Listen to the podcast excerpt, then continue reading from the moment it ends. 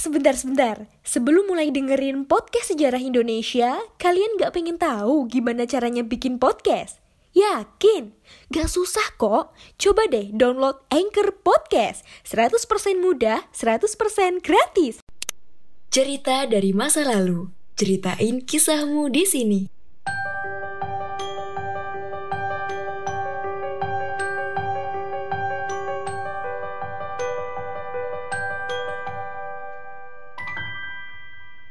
Halo teman-teman, kembali lagi bersama saya Barbara dan kalian masih mendengarkan podcast sejarah Indonesia. Untuk kali ini, kita masuk ke segmen cerita dari masa lalu di mana ini menceritakan pengalaman dari para pengirim dan pendengar sekalian. Untuk teman-teman bisa ikutan cerita dengan cara kirim cerita kalian ke email podcastsejarah@gmail.com atau bisa juga kalian langsung melakukan rekaman. Tanpa berlama-lama, kita langsung ke ceritanya.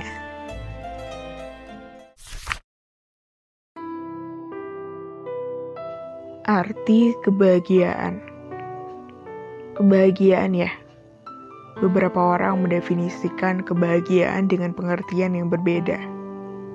Ada yang mendefinisikannya dengan memiliki uang banyak, mempunyai istri dan anak, serta hidup berkecukupan, atau bahkan menemukan uang di saku celana ketika tanggal tua. Namun aku sendiri belum menemukan definisi kebahagiaan itu sendiri.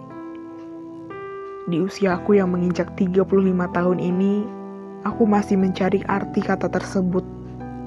Panggil saja aku Hesa, laki-laki yang saat ini masih belum berkeluarga. Bagaimana rasanya tiap pagi dibuatkan sarapan oleh istri? Bagaimana rasanya begadang hanya untuk bergantian menjaga anak yang rewel saat malam hari? Aku tidak tahu. Aku hanya tahu dari cerita teman-teman kuliahku yang sekarang sudah berubah menjadi bapak-bapak. Mungkin banyak yang bertanya mengapa sampai detik ini aku belum pernah menikah. Bukan karena aku gay. Aku pernah menjalin hubungan dengan beberapa perempuan sebelumnya namun hasilnya gagal. Alasannya satu, aku masih belum bisa melupakan cinta pertamaku. Empat tahun lebih, aku menjalani hubungan dengannya. Sejak 2004 hingga 2008. Kita sebut saja dia Julie. Tentu bukan nama sebenarnya. Gadis asal Purworejo dari fakultas sebelah yang kebetulan ngekos tidak jauh dari rumahku. Pada tahun itu, jarang sekali ada yang membawa kendaraan bermotor. Sehingga tidak heran pada saat itu banyak yang jalan kaki untuk pulang pergi kuliah. Karena kosnya yang tidak jauh dari rumahku, aku sering berpapasan dengannya. Mulai dari curi-curi pandang, hingga akhirnya kami bisa dekat dan berpacaran. Tentu saja banyak hal yang kulewati dengan Julie mengingat hubungan kami yang berjalan selama empat tahun. Banyak hal yang pertama kali kulakukan dalam hidupku dengannya. Mungkin ini yang menjadikan Julie memiliki ruang khusus di hatiku. Tahun 2008 akhir, Julie wisuda. Aku masih menemaninya. Selama empat tahun, aku sudah mendekati orang tua Julie Selama empat tahun pula, aku tidak direstui. Aku tidak pernah menyerah.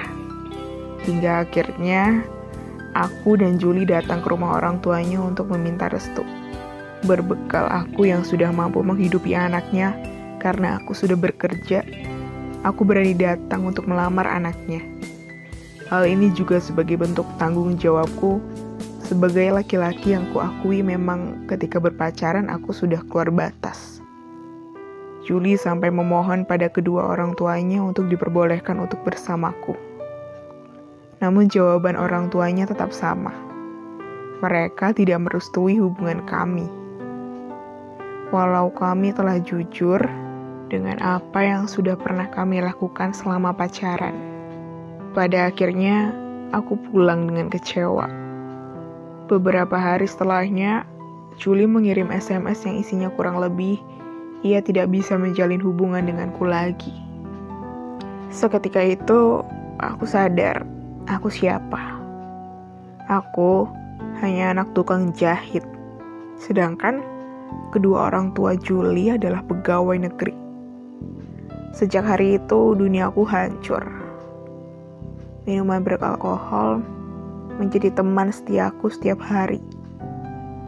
Entah mengapa, aku di saat mabuk, aku mampu melupakan Juli walaupun saat terbangun dari tidur nanti, aku pasti teringat padanya. Dikala aku sangat merindukannya, terkadang aku mencoba menelepon Juli atau mengirim SMS padanya. Walau tidak pernah diangkat dan dibalas, pesan di Facebook pun tidak pernah dibaca olehnya. Ternyata patah hati itu begini rasanya. Hari berganti hari, namun aku tidak bergairah menjalani hidup yang seperti ini. Bulan November 2010, Ketika sedang membereskan peralatan lukisku, ada sebuah nomor baru yang menelponku. Saat ku angkat ternyata itu Juli. Suaranya masih hangat seperti dulu. Entah mengapa, aku sangat bahagia saat itu. Rasa bahagia itu tidak berlangsung lama. Juli mengatakan bahwa ia akan menikah. Rasanya seperti terkena petir di siang bolong. Aku diam tanpa kata. Namun pada akhirnya aku hanya bilang, selamat menempuh hidup baru ya Jul. Semoga lancar sampai hari H. Tak lama telepon tersebut akhirnya mati. Hatiku hancur untuk yang kedua kalinya. Rasanya aku tidak sanggup harus datang ke acara pernikahan Juli. Bahkan Membayangkan Julie duduk di pelaminan bersama laki-laki lain pun aku tidak sanggup. Mungkin ini keputusan yang terbaik. Aku tidak akan datang ke acara pernikahannya. Hari berganti hari, bulan berganti bulan, tahun demi tahun, waktu demi waktu berlalu. Sudah 10 tahun sejak Juli menikah, dan aku masih sendiri. Aku pernah menjalin hubungan dengan perempuan lain namun kandas di tengah jalan. Namun, aku tidak pernah merasa kehilangan seperti aku kehilangan Juli. Di tahun 2020 ini, usiaku 35 tahun. Namun semuanya masih abu-abu. Aku masih belum mengerti seperti apa rencana yang telah Tuhan persiapkan untukku. Sudah genap dua tahun aku keluar dari perusahaan swasta tempatku bekerja Kini aku bekerja di sektor pariwisata. Bulan Februari aku menemani sebuah rombongan untuk KKL ke Bali. Kebetulan aku menempatkan diri di sebuah bis yang kupilih secara acak. Aku baru tahu ternyata rombongan ini juga membawa beberapa siswa atau mahasiswa semester 8 untuk menemani adik-adik tingkat yang berangkat KKL. Di dalam bis yang aku naiki, ada seorang mahasiswa semester 8 yang menjadi tour leadernya. Yang aku ingat saat itu, ketika anak tersebut hendak menaiki bis, sepatunya penuh dengan tanah karena semalam telah turun hujan. Sehingga tanah di sekitar bis menjadi becek. Langsung saja aku suruh anak itu untuk turun dan membersihkan sepatunya dulu agar pekerjaan kru bis tidak terlalu banyak. Kotorannya nggak hilang, Pak, kata anak itu. Langsung saja aku jawab. Rasah manggil aku pak. Aku belum menikah. Anak itu hanya tersenyum. Terlihat lesung pipi di wajahnya. Matanya justru menghilang saat tersenyum. Untuk mempermudah koordinasi, aku meminta nomor WhatsApp-nya. Akhirnya aku tahu namanya. Sebut saja namanya Odi. Odi seorang mahasiswa semester 8 dengan usia sekitar 22 tahun. Perawakannya cukup tinggi jika dibandingkan dengan teman sebayanya. Hanya butuh waktu beberapa saat, Odi mampu menarik perhatianku. Setelah lima hari, KKL pun selesai. Entah mengapa, muncul perasaan yang berbeda. Kemudian aku menyadarkan pikiranku sendiri kalau usiaku dan Odi terpaut jauh. Ayolah, 13 tahun. Odi terlihat sebagai keponakanku, bukan? Aku kemudian membuka WhatsAppku. Odi membuat status WhatsApp. Sepertinya Odi sakit karena KKL kemarin. Aku langsung menelepon Odi. Kutanya, apakah Odi sudah makan atau belum? Odi menjawab kalau ia belum makan. Aku pun langsung mengajaknya makan. Meskipun pada awalnya Odi menolak. Namun pada akhirnya, Odi menerima ajakanku. Hari-hari berlalu, aku dan Odi semakin dekat. Meskipun di antara kami tidak pernah terucap kata suka, namun tak dapat dipungkiri kami nyaman satu sama lain.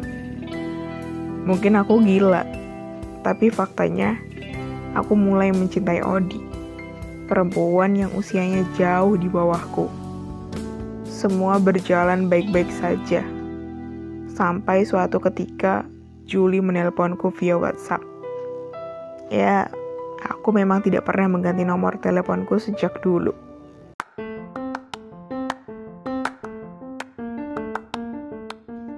Halo Sobat Poseidon, kalian pasti sudah tidak asing lagi dengan Anchor. Yap, aplikasi penyedia jasa untuk para podcaster pemula dan juga pro. Buat kalian yang pengen mulai nge-podcast, langsung download aja Anchor di App Store ataupun di Play Store. Di sana, kalian bisa nge-podcast dengan banyak banget pilihan background musik. Setelah itu, kalian bisa mempromosikan podcast kalian ke mana pun. Secara otomatis, nanti akan di-sharekan oleh Anchor sendiri. So, tunggu apa lagi? Cus, nge-podcast bareng Anchor. Aku pun kaget, ternyata Julie masih menyimpannya. Julie menangis, ia bercerita rumah tangganya hancur karena suaminya berselingkuh dengan perempuan lain. Suaminya tidak memberi Julie nafkah. Julie juga bercerita mengenai anaknya yang kini berusia 8 tahun. Lewat telepon itu, Julie bercerita sangat banyak. Ternyata sudah 10 tahun sejak aku dan Julie berpisah, dia masih Julie kan? Perempuan yang dulunya sangat aku cintai perempuan yang aku tunggu selama ini. Bahkan pernah terucap olehku, jika Julie kembali walau dengan status janda, aku akan tetap menerimanya. Dalam waktu yang bersamaan hatiku goyah. Sebenarnya perasaanku itu masih untuk Julie atau untuk Odi. Hari-hari berlalu, kulewati dengan bersama Odi.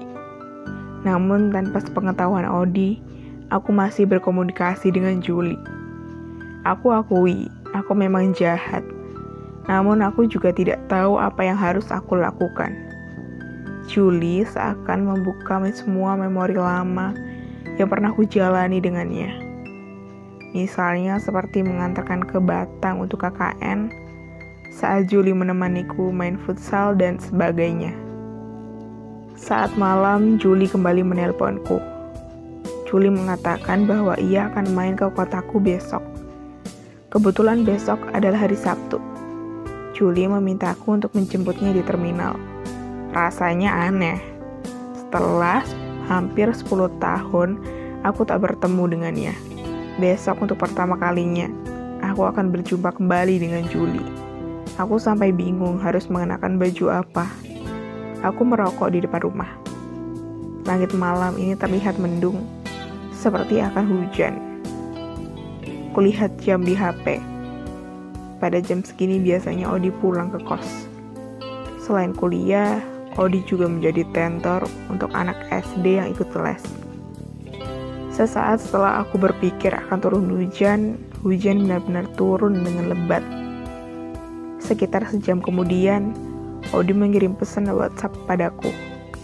Odi bilang, ia baru sampai kos Ternyata Odi lupa membawa mantel, sehingga Odi basah kuyup. Aku kemudian menyuruh Odi untuk mandi agar tidak masuk angin. Setelah itu Odi pamitan untuk tidur. Keesokan harinya, aku menjemput Julie di terminal. Akhirnya aku melihat Julie lagi. Aku terdiam. Julie yang terakhir kali aku lihat, kini sudah banyak perubahan. Dari awalnya kurus, Kini Julie sudah lebih menggemuk. Di dalam mobil, Julie bercerita. Setelah melahirkan, berat badan Julie tidak mau turun. Setelah itu, menurutnya karena Juli ikut KB, hormonnya ikut berubah.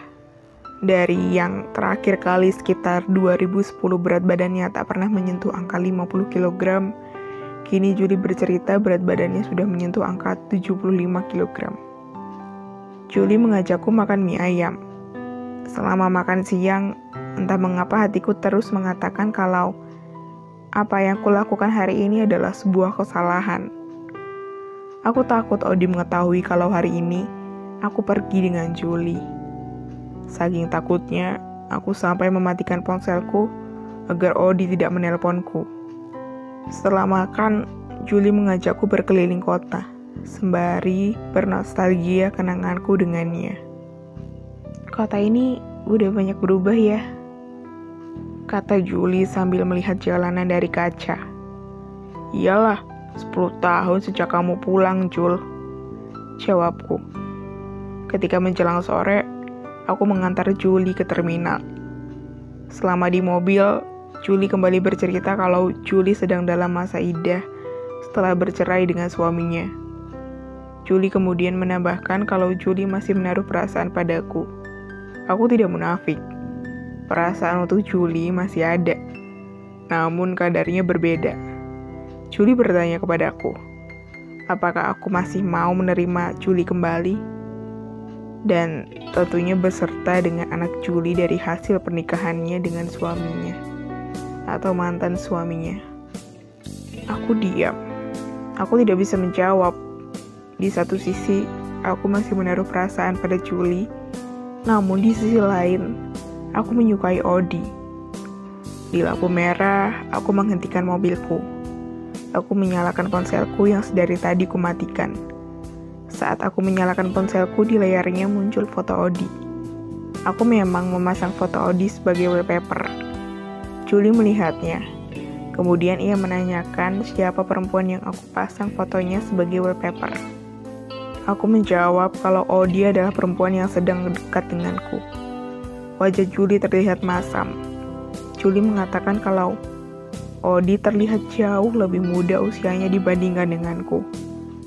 Aku jujur tentang perbedaan usiaku dengan Odi yang mencapai 13 tahun.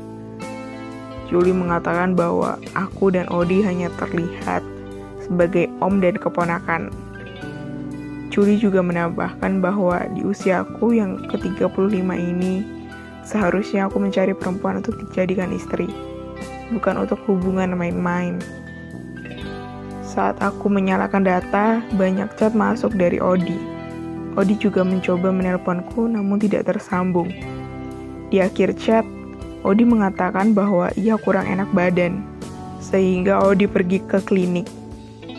Setelah itu tidak ada chat lagi dari Odi. Aku kemudian mencoba menghubungi Odi, namun ponselnya tidak aktif. Setelah sampai di terminal, aku langsung pamit pada Julie. Julie heran, mengapa aku tidak menunggu sampai bis yang akan dia naiki datang.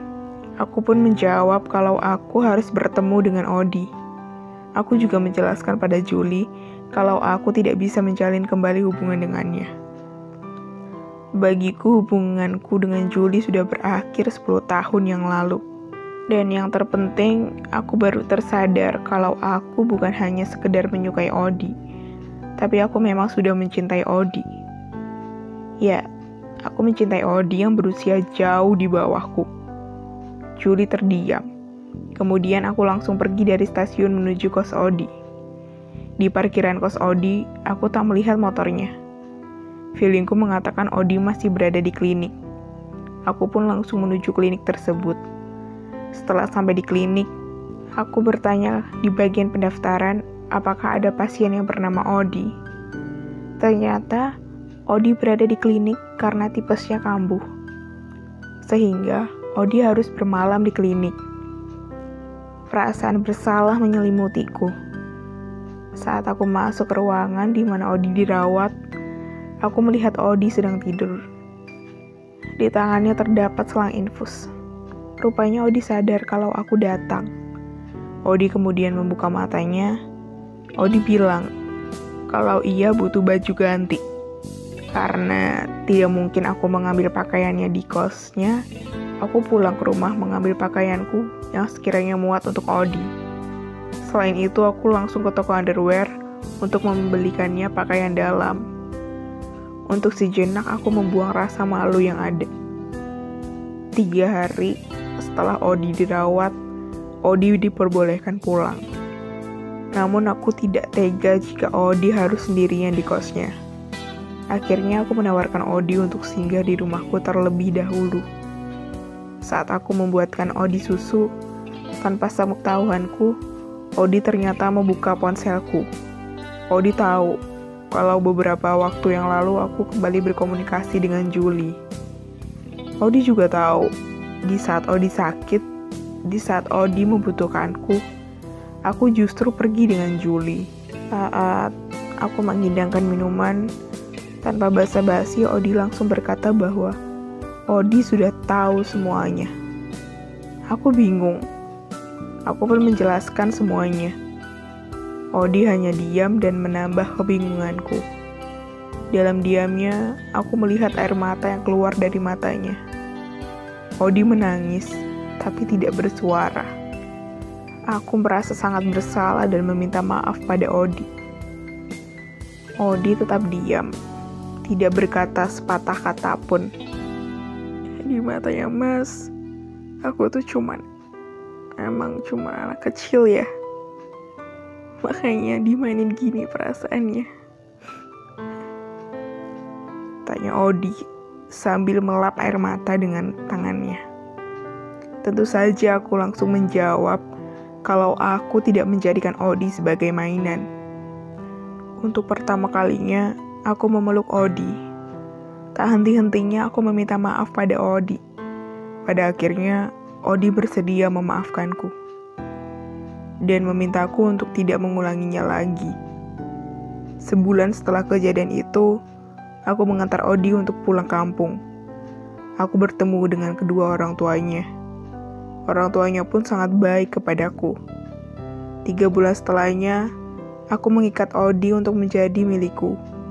Ya, tak lama setelah aku main ke rumah Odi, aku memberanikan diri untuk melamar Odi. Bahkan saat aku melamar Odi, jadwal sidang skripsinya pun belum keluar. Odi sidang di tanggal 27 Oktober, sedangkan aku melamar Odi tanggal 3 Oktober.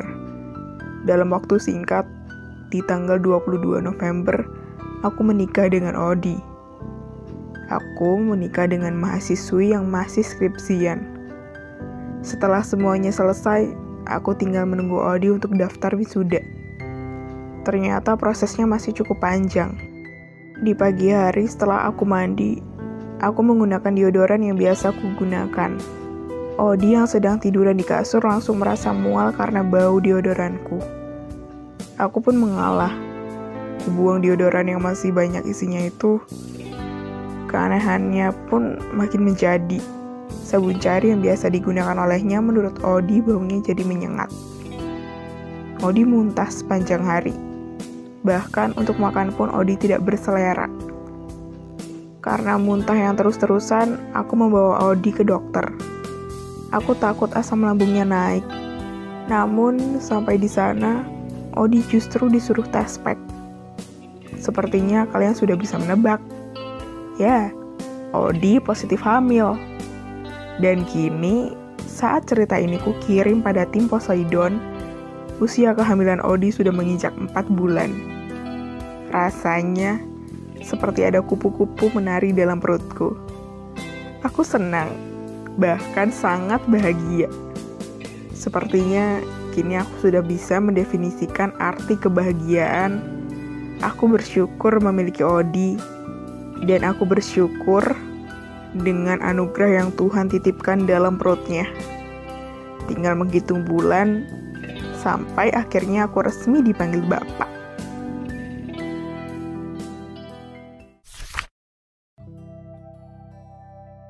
Dan quotes hari ini, jangan menunggu bahagia baru bersyukur, tapi bersyukurlah agar kebahagiaan datang. Itu dia CDML hari ini. Ceritanya menarik dan menyentuh hati banget. Kita doakan Semoga pasangan ini diberi kesehatan dan kebahagiaan selalu. Amin. Ceritanya kan menarik dan seru nih. Bisa dong kalian ikutan cerita dengan cara kirim cerita kalian ke email podcastjarah@gmail.com atau bisa juga kalian langsung melakukan rekaman. Tetap pantengin podcast ini dan nantikan cerita-cerita menarik selanjutnya. Tetap jaga kesehatan dan mematuhi protokol kesehatan. Saya Barbara pamit.